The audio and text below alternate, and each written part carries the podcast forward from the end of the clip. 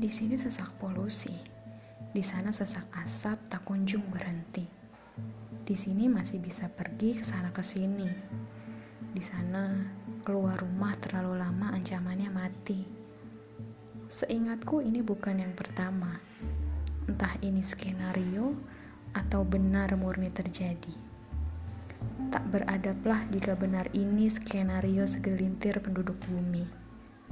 Hewan terbakar mati. Kalaupun masih hidup, mereka mengungsi, mencari tempat yang aman baginya untuk tinggal di bumi.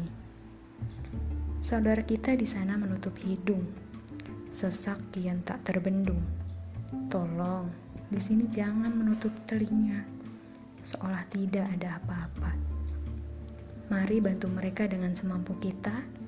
Mari langitkan meramu doa agar asap reda dan hujan segera tiba.